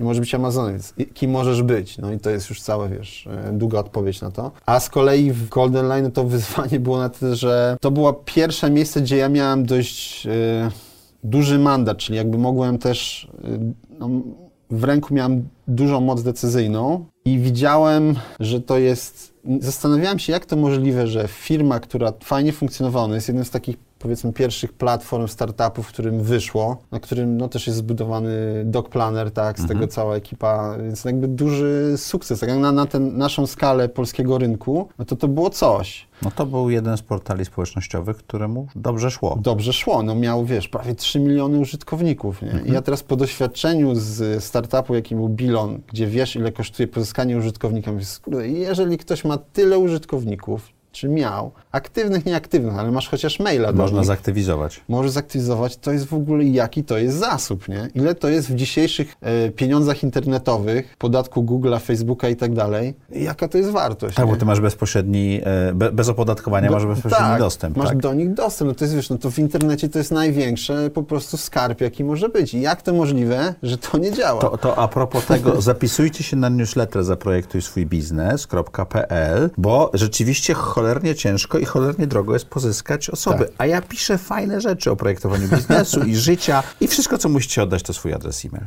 To, no, polecam. Wtedy nie będę musiał Polecam. e, ani Google'owi, ani Facebookowi płacić, ale wiedza jest wartościowa. Ty czytasz mój newsletter, nie? Tak, No, tak, super, dobrze. bardzo wartościowa. Da się, nie, jest Dobrze. super. Wracając do Golden Line'a. No natomiast jakby to, czego Golden Line nie miał, to już nie miał tylu szans, nie? Bo Golden Line jednak, zanim ja też przyszedłem, też już przeszedł jakieś zmiany i, i gdzieś tam był trochę, kończył mu się runway, tak? I Kończy, byłem, ja byłem w takiej roli interimowej. I no. Agora chyba też była zmęczona trochę, nie? Tak, myślę, że w jakiś sposób tak. No. I wiesz, no ja jako, przychodząc jako interim, no to jesteś trochę takim, wiesz, ostatnią szansą, tak.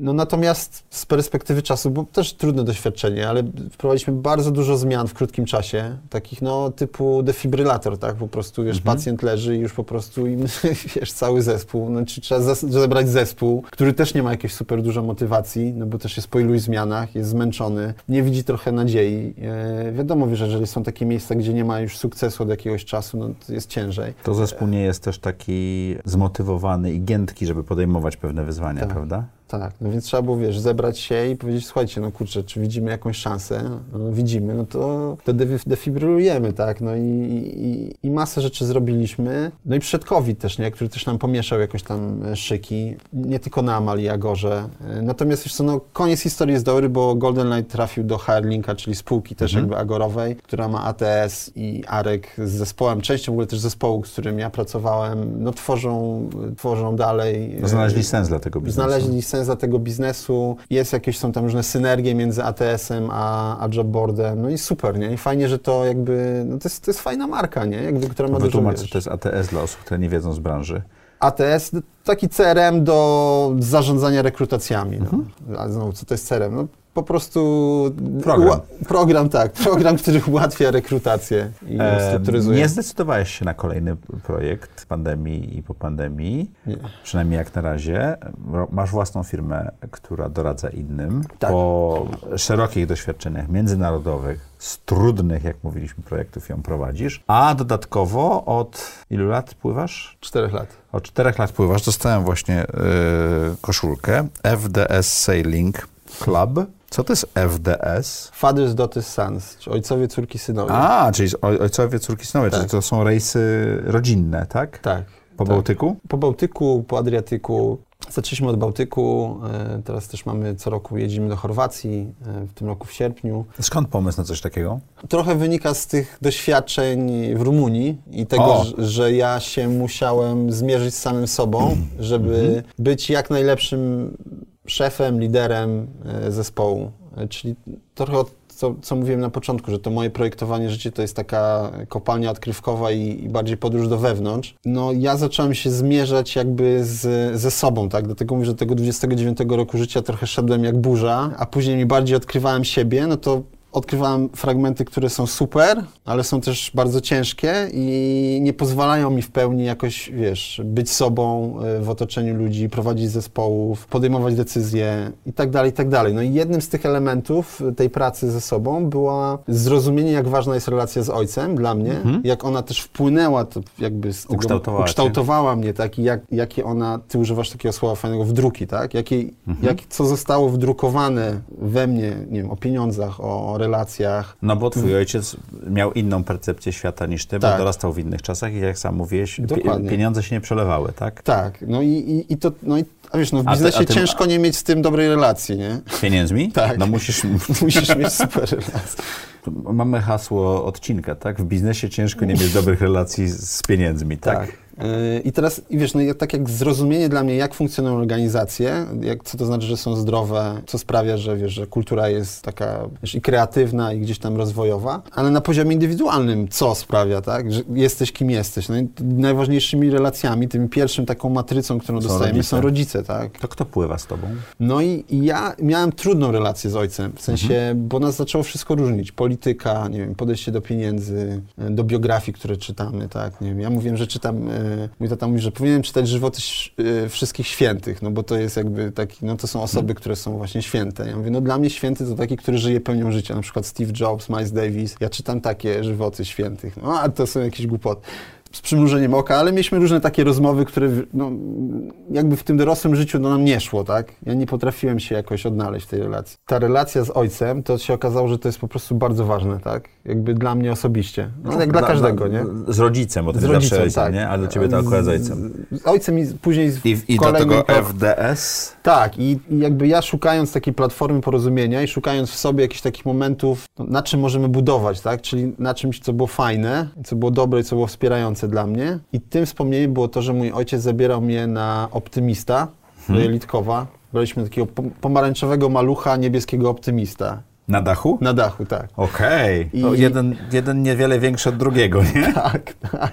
No, wygląda jak taki, wiesz, maluch z wodogłowiem. Wchodziłeś sam do tego optymista? Y, z tatą na początku. We dwóch? We dwóch, tak. A też się fizycznie nie da. 86. No właśnie. Czy 8 nawet wzrostu. No, więc to było tak, wiesz, no, on w takim przechyle szedł od razu. Tak, od razu wodę nabierał, tak? No, ale, ale to było super, wiesz, my razem mhm. wypływaliśmy to i na tej zatoce razem, to był czas razem. Po prostu, bez żadnego, wiesz, nie było tam tam jakichś rozmów za bardzo, nie pamiętam, ale to wspomnienie, mhm. ja się czułem super. Ja, ja jako dziecko czułem się zauważony, ja czułem się, że ktoś jest ze mną, ktoś mnie wspiera i robimy coś fajnego razem. A później te rejsy były też rejsy po zatoce i dużo pływaliśmy, nie? Jakby ojciec mnie nauczył żeglarstwa. I ja sobie pomyślałem, pamiętam, że wjeżdżaliśmy gdzieś tam na 74 urodziny bodajże. To był tak 2018 rok, to nawet był 70 nie, w 2017 jechaliśmy na urodziny, czy to były 74 urodziny mojego ojca i ja nie miałam pomysłu na prezent. Zresztą te wyjazdy na urodziny, one nie, właśnie przez to, że ta relacja nie była łatwa, one nie były jakimś super przyjemnością, mhm. tak? Dla obu stron pewnie. Pewnie dla obu stron, nie? No bo to już takie koślawe, trzeba trochę, wiesz, jakąś gębę znowu założyć, no, a ja nie lubię zakładać gęb, mhm. tak? No i mówię, kurczę, co dać tacie w ogóle, nie? Ale coś takiego, ja mówię, żeglarstwo, dam mu rejs, najlepsze wspomnienia są z rejsów. No i dałem mu, zrobiłem taki voucher i dałem mu w rejs. Z tobą? Ze mną. No a jak już dałem, to zacząłem myśleć, co robić, w sensie jak go zorganizować. No bo... A to było tu po prostu wydrukowana kartka wydrukowana papieru. kartka, tak. No rejs jak... z synem, tak? Rejs z synem, tak. No i jak to zorganizować, nie? No i sobie zacząłem i tak od razu mówię, Magda, może chciałabyś popłynąć z nami? Mamo, może ty byś chciała? Nie, no co ty, to nie dla mnie. Nie, no gdzie? Nie, w ogóle nie. No to napisałem do kilku znajomych. Okazało się, że w ogóle idea rejsu ojca z, z synem, ale, ale w tej relacji, no ja... Ale dorośli y, synowie, tak? No właśnie nie, no jakby ja zabrałem ojca. A niektórzy zabrali dzieci? A zabrali dzieci. Aha. No i okazało się, że w ogóle jakaś jest, wiesz, pragnienie, że ta relacja jest, no tak jak mówimy, jest mega ważna dla nas, bardzo kształtująca. No i się okazało, że kurczę, że to jest coś ważnego, tak? Że chcą i że to był jeden mail. No trochę tak jak z tym mailem, y, no to był dobry strzał po prostu wiesz, Ile osób zebrałeś? No, cały jacht, y, czyli tam duży jacht mieliśmy, 50-stopowy, Kosmo, którym zresztą teraz też płynęliśmy w majówkę, bardzo fajny jacht, Elan 50. No i tam jest 12 miejsc, no, tam Mhm. było podejrzewam 11, 10-11 osób na tym pierwszym rejsie. A ty masz papiery, że, że żeglowałeś, czy Ja miałem sternik? papiery, ja Okej. miałem papiery, ale tata był kapitanem. Mój ojciec był kapitanem wtedy. Y, Ja nie czułem się jeszcze wtedy, wiesz, chociaż miałem papiery, uprawnienia, to nie czułem się, żeby... Natomiast jakby de facto ja z moim przyjacielem Martinem prowadziliśmy ten rejs jako oficerowie wachtowi. No i ja podczas tego A rejsu... dokąd płynęliście? Wiesz co, założenie było takie, że na Wyspę Wikingów w ogóle, nie wiem, taka męska wyprawa na Wyspę Wikingów czy na Gotlandię. No, a z tego się później przerodziło, już na samym początku zaczęła się znowu ta nasza relacja pracować. Mój ojciec dzwoni, no słuchaj, ja tak patrzyłem na tą trasę, musimy do Kłajpedy bo ja muszę iść do kościoła w niedzielę. No to w sobotę wypływamy, a ja już mówię, nie, no znowu kościół, znowu musimy, ja zaplanowałem, ja już się spiąłem, że wiesz, ja zaplanowałem. Już rozrysowałeś sobie Już wszystko. sobie rozrysowałem w Google, wszystko No, wymierzyłem. O, to chyba chodzi w relacji ojciec-syn, syn-ojciec, prawda? No tak. I wiesz, no i, ale byłem tym, wiesz, no ale emocje, wiesz, od razu zaczęły we mnie, się. zagotowałem się cały, nie? Mówię, kurczę, jak to? No to ja to organizuję, ja pieniądze, ja to, wiesz, no w ogóle ja, ja, ja, ja, ja, a tu tata mi wszystko bruździ. No, no i, i, i okazało się, że ojciec podszedł świetnie do tego, jakby był bardzo taki włączający. Znaczy jakby dla mnie ten rejs w 2018 roku to Zmienił było, relację? Zmienił relację. Jakby ja zacząłem postrzegać mojego ojca jako no, mega gościa, nie? W A co sensie, to znaczy wiesz, był bardzo włączający? Jak rozwiązaliście problem Kłajpedy? Słuchaj, no mój ojciec rozwiązał jako kapitan, nie? On po prostu wstał, tam dopłynęliśmy do tej Kłajpedy i on powiedział, słuchaj, że słuchajcie, ja tutaj idę do kościoła, y, jest to dla mnie ważne, jeżeli ktoś chce dołączyć, to zapraszam, a jak nie, no to tam o któryś będziemy wypływać, nie? Okej. Także jest czas wolny. I wszyscy byli okej. No i wiesz, część poszła, część poszła, my tam była część właśnie, która poszła do kościoła, część, która poszła na jakiś spacer i, Mhm. i obiad. Później się razem spotkaliśmy, wypiliśmy jakąś herbatę, super. Wyszło super. Wyszło super, w ogóle, wiesz, no nie było w tym jakiegoś takiego mojego lęku, Że będzie jakiś spina, tak? że będzie spina, ale chyba największy mój lęk jest taki, że ktoś mnie będzie, wiesz, wkładał w jakieś takie, wiesz... Ale ojciec powiedział, że dla mnie to jest ważne, tak? I to wszystko, tak? Czyli Tak. był, w, w, to mówisz, był włączający, tak? Dokładnie. Wiesz, no, tylko ja wcześniej jakby no gdzieś tam też miałem swoją projekcję, że W ja druki, znowu będę, w wiesz, w dróg, że ja będę, wiesz, znowu ktoś mi będzie teraz, wiesz, każe iść, że musisz to robić, musisz to, a ja już, wiesz, no jakby... Znaczy, Nikt tak świetnie nie dokręca śrubek jak nasi rodzice, tak? Tak. Bo całe życie to robili. Więc wiesz, no, się przestraszyłem, a wyszło super. Był jeden jak długi to był rejs? Tydzień. No, kto był najstarszy, kto był najmłodszy? Najstarszy był Leszek, mój ojciec, 70 wtedy 5 lat. Mhm. E, najmłodszy był, myślę, Janek, chyba 8 lat albo 9. E, Jak to zadziałało? Z taką rozpiętością wieku, z kilkunastoma osobami, no w ciasnych warunkach, nie? No to jest, wiesz, to jest właśnie to, co daje Tam- żeglarstwo, nie? Że to jest niesamowite, że... Nie możesz wysiąść, jak się na kogoś wkurzysz. Tak, że, że musisz, że, że, nie mo- że te emocje wszystkie, które się naturalnie rodzą przez ten temat sam, tak, że to są ojcowie, córki, synowie, że jest temat relacji z ojcem, no to one naturalnie pracują, tak? Nie musisz nic robić za bardzo, tylko taka historia założycielska jest i gdzieś I tam... to się wylewa. I, to, i, I wiesz, no i teraz na, co, może się wydarzyć, nie? No takim To co się wydarzało? łupince. Słuchaj, no wydarzyło się W, ty- to, że... w tych siedmiu rejsach, niekoniecznie w tym jednym. No. E, Wydarza się to, że jakby jest to super uzdrawiające i uczące dla mnie e, i dla innych myślę też, bo gdzieś tam pojawia się taki nowy model wspierania swoich dzieci bez, wiesz, nie ma, nie ma takiego nie ma takiej otoczki, że jesteś niewystarczająco dobry, co myślę, że przez, w naszej kulturze jest taką dużą raną, która gdzieś tam pracuje, że jesteś never good enough, nigdy niewystarczająco dobry. Zresztą w firmach też to jest, nie? Często, że jakbyś nie biegł, to zawsze, wiesz, rzadko się, wiesz, ktoś powie, mówi super robota i tyle, nie? Tylko super robota, ale jest następny kwartał, jedziemy, nie? I myślę, że to się jakoś pojawia. Osoby, które z nami, przyż- z nami pływają, każdy wnosi coś. Bardzo różne modele, y, wiesz, wy, wychowania, czy bycia, czy To wspierania też dzieci. możesz to obserwować. Więc to można obserwować. Ludzie nawzajem obserwują, tak? Bo ktoś ma dzieci w szkole międzynarodowej, ktoś ma w edukacji domowej, ktoś ma w Montessori, ktoś ma w demokratycznej. I oni sobie siadają przy stole, przy śniadaniu i mogą sobie o tym pogadać, tak? Oczywiście jest temat elektroniki, e, tak? Tak, bo I ktoś może mieć komórkę, a ktoś nie ktoś może, może, tak? ktoś nie może, ktoś, wiesz, ma, nie wiem, są rzeczy wokół jedzenia, tak? Bo ktoś ma jakieś nawyki. My zawsze robimy ankietę wcześniej, jakie są. Staramy się dostarczyć takie jedzenie, y, Żeby dla wszystkich żeby było. dla wszystkich było, ale żeby też każdy miał to, co rzeczywiście lubi.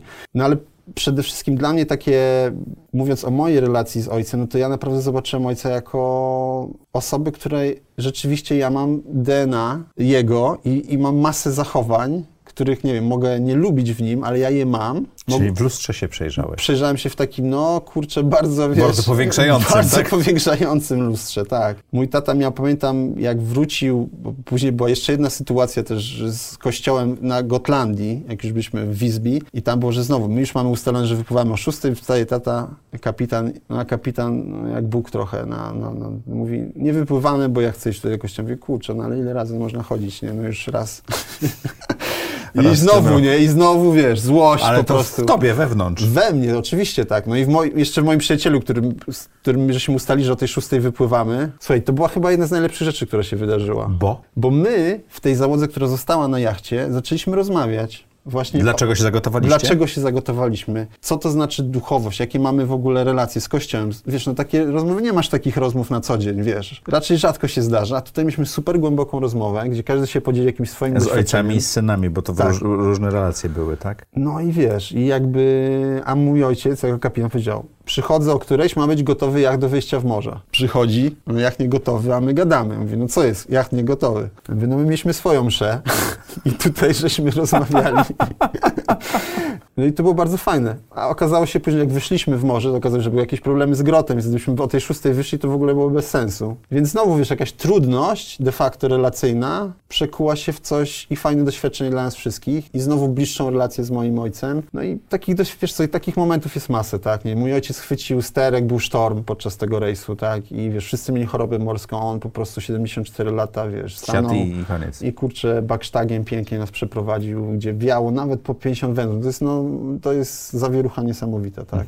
A on po prostu pewną, pewną ręką, gdzie tam nikt z nas nie potrafił przy takim wietrze w ogóle ani strymować tej łódki, czy ustawić żagli odpowiednio y, i wielkości dobrać i, i w ogóle sterować. Bardzo ciężko się steruje na pełnym wietrze, tak? I on po prostu wziął i, i ten, i z falą pięknie and dopłynęliśmy do Lata Wisby. doświadczeń, tak? Lata doświadczeń i takiego spokoju. I to była też niesamowita lekcja przywództwa, bo on, on nie przychodził do mnie, nie mówił, nie robił takiego micromanagementu, nie nie. Tylko on dał nam przestrzeń, Do momentu a kryzysowego. jak był kryzys, to wszedł i po prostu, wiesz, i wszyscy wiesz, kopara w dół, nie? Mhm. Kapitan Leszek, no i kapitan Leszek. No i to jest, wiesz, i teraz ten obraz, to jest kolejny jakiś obraz, który ja sobie dodaję do jakiegoś takiego Tego wewnętrznego, tego sztormu, do swoich zasobów i mówię, kurczę, wiesz, no mam takiego ojca, nie? Czyli zrobiłeś prezent dla ojca, ale skąd pomysł, żeby z tego zrobić e, powtarzający się regularnie Klub. klub? To klub się nazywa chyba, To jest prawda? klub, tak. Tak, sailing club. Tak. Klub żeglarski. Sailing club, tak, klub żeglarski.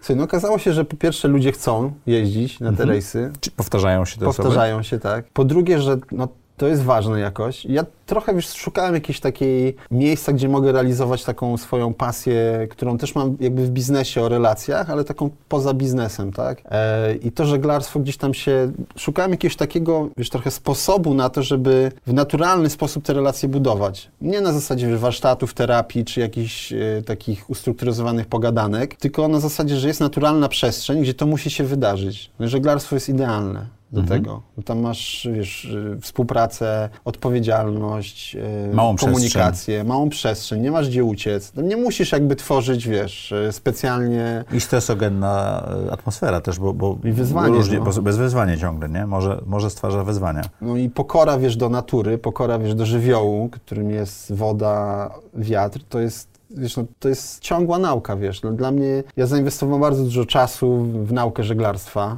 teraz i wiesz, to jest niesamowite, jak się odkrywa po prostu znowu kawałek po kawałeczku, ile jest wiedzy, ile jest doświadczenia, e, jak patrzysz na żeglarzy, którzy opłynęli świat, e, jak, wiesz, jaki to jest taka bardzo zinternalizowane, zinternalizowana wiedza. Wiesz, masę wiedzy, ale takiej, że jak, jak nie przejdziesz tych sztormów, jak nie przepłyniesz ileś tych mil, no to To nie masz jak się tego nauczyć. nie masz jak się tego nauczyć. No. Jak często pływacie? Pływaliśmy raz do roku, w tym roku już będziemy mieli trzeci rejs Wow, to już e, tak w sierpniu. coraz bardziej part-time taki bardzo poważny, tak? Tak, no w tym roku Ale mamy... to nie jest coś, na czym ty zarabiasz, to jest raczej biznes, który, ty, czy też Znaczy inicjatywa, dokładam. W sensie, wiesz, inicjatywa którą ty robisz dla, trochę dla siebie też, tak? Jasne, dla mnie też. y, Natomiast no, chcę, żeby ten klub na siebie zarabiał, tak? No, w sensie, żeby on się jakoś utrzymywał, żeby ta idea mogła żyć. No, beze mnie też, tak? To, to jest ten cashflow, o którym mówiłeś, tak. Tak. Bez tego nie będzie nawet czegoś takiego jak e, Dokładnie, jak klub klub, jak, jak NGO, no nie, nie ma, tak? Mhm. Po prostu, wiesz, no, może być piękna idea, jeżeli za tym nie pójdzie jakaś, wiesz, ustrukturyzowanie tej idei, Mhm. jakoś zinstytucjonalizowanie tej idei, no to ona po prostu, wiesz, no pożyje i umrze, tak? Mhm. To kiedy i gdzie następny rejs? Sierpień, 13-27, Chorwacja, mamy trzy jachty, Trzy jachty już. trzy jachty, tak. To już duża, duża ekipa się robi. Tak, no dwa tygodnie, więc Wow. jakby de facto jest 60 osób, tak, no bo, Mhm. bo są jakby dwa turnusy, bo większość jednak chce na tydzień, tak, jest Mhm. kilka osób, które chce na dwa tygodnie. Mamy już trzech skiperów w klubie, Mhm. no i, i pewnie zobaczymy jak to będzie. To ile osób jest w klubie? W klubie jest teraz pewnie z 30 osób, y, więc teraz jakby też no, do Chorwacji będzie taki duży Rozszerzenie. rozszerzenie, tak. No, też pierwszy raz mamy. W zeszłym roku mieliśmy już dwa jachty, a teraz już są trzy na dwa tygodnie, więc to jest duży... Mhm. To tak jak z, z nowymi lokalizacjami, nowymi krajami. To bardzo komplikuje, prawda, Tak. całą organizację. Jeden jak może być szczęśliwy, drugi może być pokłócony też. Tak, więc to też jestem ciekawy, jak to wiesz, jak to, jak to będzie. Natomiast Co ci myślę to daje? sobie, no gigantyczną, wiesz, radość, satysfakcję. No, daje mi to, że ja przez te lata bardzo zbliżyłem się do mojego ojca, że też jakby mamy takie interakcje, których kiedyś w ogóle nie mieliśmy, a ja nawet sobie nie wyobraziłbym, że moglibyśmy mieć. Typu, że on zadzwoni się, zapyta mnie, jak się czuję, nawet czasem jestem taki, wiesz, że zupełnie inny mieliśmy model tej relacji, nie? A tu, tutaj jakby dzięki temu, no to ja tego mojego ojca na nowo odkryłem. E, uważam, że jest super. Myślę, że to też ważne. Pewnie nie ma tak, że go, wiesz, jakiś wkładam w taki, że jest tak, e, jak to się mówi, nie wiem... e, Na ołtarzyk. Na ołtarzyk i że jakoś jest tutaj super wszystko romantycznie. Są też swoje wyzwania, ciągle są. To jest jedno. Druga rzecz to ja, wiesz, no mam, pływają z nami super ludzie, tak? Którzy w jakiś sposób nie udowadniają niczego podczas tych rejsów, tylko są naprawdę super rozmowy, głębokie, szczere. Oglądanie samego faktu, jak ci ojcowie nie wiem, wspierają swoich synów, córki y, w jakichś takich drobnych wyzwaniach, typu pierwszy raz y, pływać na supie, y, jak sobie, wiesz, radzą i jak wspierają ich w porażkach, tak, no bo ileś tam razy spadasz do wody, zanim ci się to uda. W jaki inny sposób to robią, niż, e, niż ja tego doświadczałem, tak, niż nie, mój ojciec był w stanie mi to dać. Nie mam do niego jakichś pretensji już w tym momencie pewnie o to, natomiast no jakby no każdy daje tyle, ile ma, tak, i też na podstawie swoich doświadczeń, ale Czyli to ci rozwija ciągle. to bardzo rozwija, no, I, i pozwala być w relacji z super ludźmi. Plus z naturą.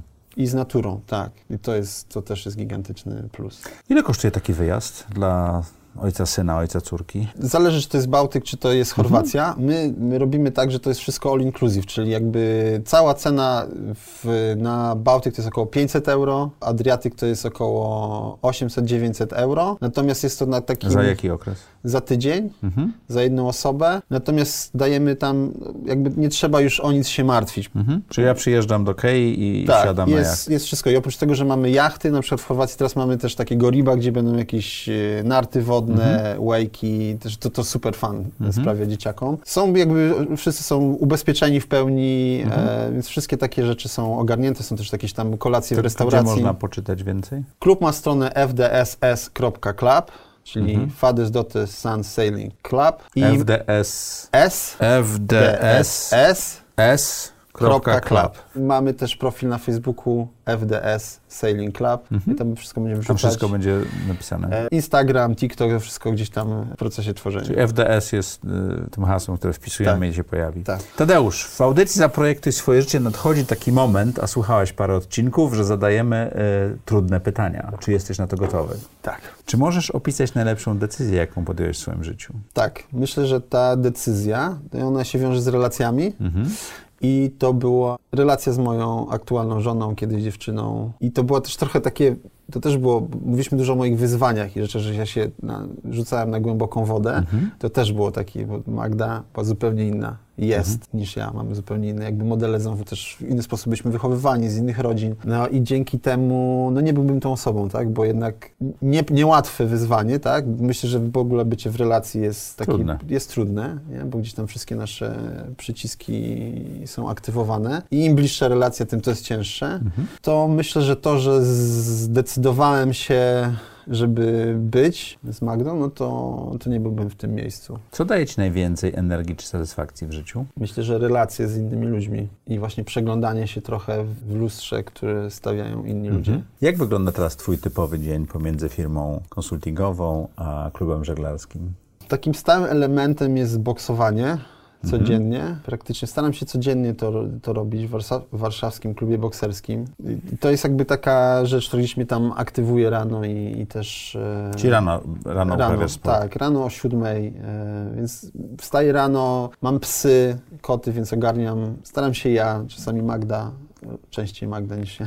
E, natomiast to są jakieś tam te rzeczy domowe, e, jest trening, jest stałe punkty dla mnie to też jest jedzenie, a w między są z reguły jakby spotkania. Dzień się różni, jeżeli jadę do klienta, z reguły to jest gdzieś tam po prostu wcześniej rano się spotykamy z klientem, Mhm. jest cały dzień pracy z klientem, plus gdzieś tam jakieś podsumowanie wieczorem jeszcze e, w jakimś Airbnb z, z zespołem, Mhm. w którym pracuję na przykład. Duży masz zespół? Zespół dobieram w zależności od projektu. Nie mam stałego zespołu, Mhm. ale mam takich stałych współpracowników, z którymi realizuję projekt. Tak pozyskujesz klientów. Nie, 100% to są polecenia. E, czy jest coś, co mógłbyś przestać teraz robić, co poprawiłoby Twoje samopoczucie albo spowodowało Twój rozwój? Myślę, że mógłbym przestać się spóźniać. Tadeusz spóźnił się 19 minut. Aż 19, tak? Tak. To myślę, że to jest coś, co jest jakimś takim... Kiedyś tego nie miałem, a, a teraz... Ponad spóźniają się optymiści. Nie wiem, czy akurat mam teraz taki super optymistyczny mindset, ale, ale no to jest na pewno coś, co poprawiło mi też jakby relacje z innymi ludźmi i, Mhm. i z samym sobą. Dobra.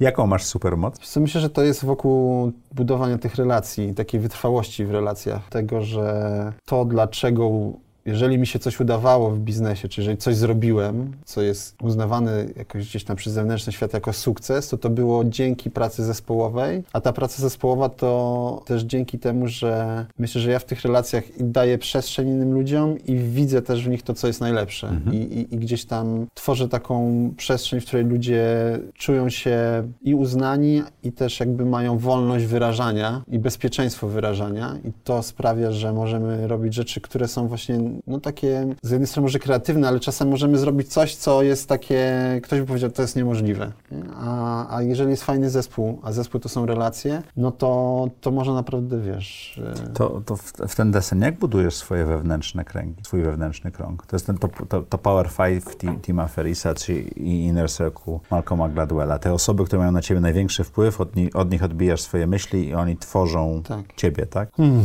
wiesz co, miałem, myślę, szczęście do takich y, różnych mentorów, z którymi pracowałem. Których dobierałeś z premedytacją. Tak, z premedytacją też no, w takim sensie, że rzeczywiście to, to często się wiązało z jakimś konkretnym momentem w życiu I potrzebą. i z potrzebą. E, Stąd słowo premedytacja. Tak. I, a, a z drugiej strony miałem szczęście, bo kurczę trafiałem, wiesz, nawet na, na Anię, nie? Jak twoją Mhm. partnerkę, wiesz, ktoś, kto, wiesz, ktoś właśnie w tobie widzi coś i mówi, kurczę, idź za tym, Która tak? była mentorem w CEMSie, tak? Tak, e, nie wiem, Cezary Wójcik, który potrafi swoim, wiesz, Mhm. entuzjazmem już wtedy zapalić po prostu i mimo to, że finanse międzynarodowe nie były jakimś tematem, który był na mojej orbicie zainteresowań, to kurczę, przez ileś lat prowadziłem dom maklerski zajmujący się finansami międzynarodowymi, tak? Mhm. I takich osób masę spotkałem, tak? Jakby, teraz wiesz, ważną osobą dla mnie jest nie mój trener, tak? Z którym, wiesz, spotykam się prawie codziennie i możemy rozmawiać nie tylko o boksie, ale wiesz, o, o w ogóle o tym też, jak się czujemy, co się dzieje. Wiesz, no mam też tak jakby, mam, mam taki zespół profesjonalnego wsparcia, tak? Czyli mam jakąś regularną terapię, dbam o to zdrowie fizyczne z trenerem.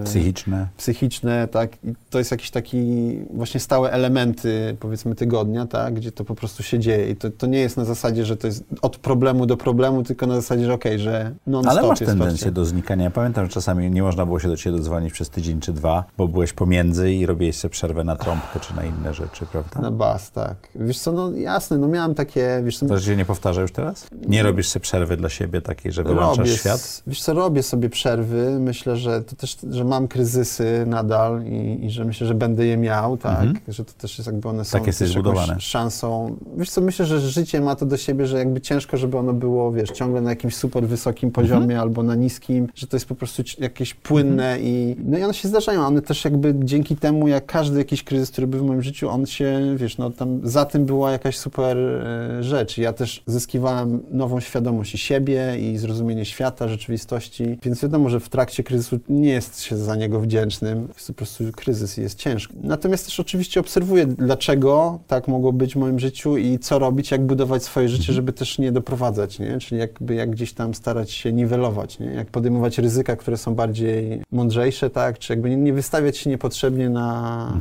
coś, co może później być bolesne też, nie? Trzy rzeczy, które chciałbyś robić za trzy lata to? No, na pewno chciałbym zgłębiać te wszystkie fajne relacje, które mam, tak? Czyli po prostu być w tych relacjach z osobami, które są wokół mnie. No jakby ten temat relacji powraca, więc jest klub, tak? Więc e, chcę, żeby klub funkcjonował. I zawodowo, no chcę też jakby realizować to moje doświadczenie, tak? E, Czy A dalej we własnej firmie, czy jakiś projekt będzie ok? co ja chyba nie, nie patrzę na to jakby Okej. że to jest, czy to musi być własne, czy to musi być gdzieś. Zasmakowałem i tego, że mam własną firmę i samemu pozyskuję klientów, zasmakowałem tego, że pracuję dla firm. Każde z tych ma jakieś swoje plusy i minusy. Natomiast wiadomo, że im więcej robi się własnych rzeczy, to tym ciężej przejść gdzieś tam z powrotem i pracować dla kogoś, tak? Ale myślę, że to znowu jest bardziej funkcją, kogo spotykasz, czy masz wspólną wizję, a w jakim to formacie jest, to już jest jakaś, wiesz, drugorzędna sprawa. Czego nauczyła cię pandemia? Kurczę, chyba będzie trzeba napisać po prostu takimi wielkimi literami o tych relacjach, e, bo, bo znowu, że relacje są super ważne, tak? No bo zamykasz się w domu, znowu na jakiejś ograniczonej przestrzeni, Sami kotami, z z sami żoną. kotami z żoną i nie ma wyjścia z tej sytuacji. I teraz im lepsza jest relacja z samym sobą i z inną osobą, tym jest łatwiej. I też jakby wsparcie w ogóle tych relacji zewnętrznych, no bo pandemia dla mnie to między innymi było to, że nam, mieliśmy duże kłopoty w Golden Line, tak? I jakby nie było wiadomo, co się wydarzy, więc jest gigantyczna niepewność, tak? Więc jakby mieliśmy i tak ciężki projekt, do czego jeszcze jakby pandemia gdzieś tam zwiększyła skalę tego. No i zobaczyłem, że po raz kolejny jakby dzięki temu, że przez lata dbałem o relacje, no to te relacje tworzą taką sieć bezpieczeństwa. Która cię łapie, jak Która cię spadasz. łapie, tak? Gdzie możesz zadzwonić i poprosić o pomoc, tak? Nie wiem, w skontaktowaniu z inwestorem, w, no w, mas- w każdej jednej rzeczy, tak? No i oczywiście gigantyczna lekcja o cash flow, tak? No bo jakby jak, jak wiesz, jak budujesz swoją osobistą poduszkę finansową, jak firma jest zarządzana, e, jak szybko odpowiadać na kryzys, jak podejmować szybko decyzje. No, pandemia, no, super lekcje, nie? I też jakby jak znaleźć takie sposoby, jak budować te relacje albo zdalnie, czyli też jakby cała w ogóle motyw pracy zdalnej, a z drugiej strony jak znajdować takie metody, żeby jednak jakiś kontakt był. Ja zacząłem chodzić bardzo dużo na spacery z klientami nawet, tak? Taki one-on-one, w maseczkach i w dystansie, ale jednak na powietrzu, jednak w jakiś, wiesz, z widokiem na Wisłę na przykład, tak? I że można znaleźć takie drobne rzeczy, które gdzieś tam ciebie stabilizują wewnątrz i też nawet w takim ciężkim jakby okresie gdzieś tam fajnie żyć. Książka która? Książki, które były takim dużym przełomem dla mnie, w ogóle w myśleniu o przywództwie, o tym, jak pracować, to były książki Billa George'a, mm, Authentic Leadership, The True North. Takie dwie pozycje, które były dla mnie takim trochę ustrukturyzowaniem myślenia o tym, Czyli nie Tim Ferriss. Tim Ferriss, nie Tim Ferriss, akurat nie, nie, nie. E, bardzo dużo Bardzo, biografii. do, bardzo dobre książki. Fajne są. No i to wielokrotnie do nich wracałem. Ostatnio bardzo dużo czytam wydawnictwa Raven. e, To są takich e, psychoanalityków jungowskich. Fenomenalne książki. Świadoma kobiecość.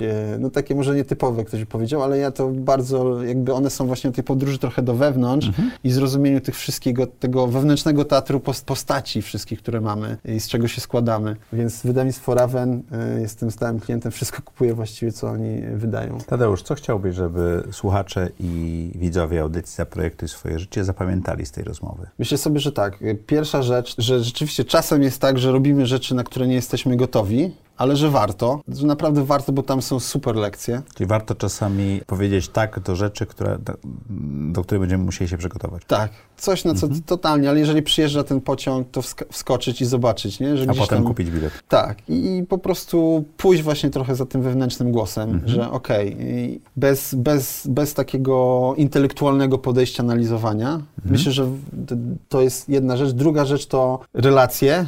E, Naprawdę po prostu relacja z samym sobą, relacja z innymi ludźmi to jest totalny fundament jakby życiowy, że to jest taka infrastruktura, która nam pomaga robić fajne rzeczy, kreatywne projekty, w pełni siebie wyrażać. I, i żeby szukać też miejsc, jeżeli, jeżeli nam, żeby szukać miejsc, które nas doceniają i które, których możemy się też wyrazić, które biorą nas z naszymi wartościami, że takie miejsca są. Czasem dojście do tego miejsca jakby gdzieś tam zajmuje czas, ale warto. Warto. Dobra Dziękuję droga. Ci ślicznie. Dziękuję Maciej dziękuję wszystkim widzom. Ja również Wam dziękuję i jak co tydzień w czwartek o czwartej zapraszamy do audycji Zaprojektuj swoje życie. Zaprojektuj swoje życie. Zapraszam Was do mojej autorskiej audycji Zaprojektuj swoje życie. Przedstawiam osoby, które podjęły nietuzinkowe wyzwania życiowe i biznesowe. Rozmawiamy o tym, co nas napędza i dokąd zmierzamy. Historie opowiadane przez moich gości zainspirują Was do świadomego i odważnego projektowania swojego życia.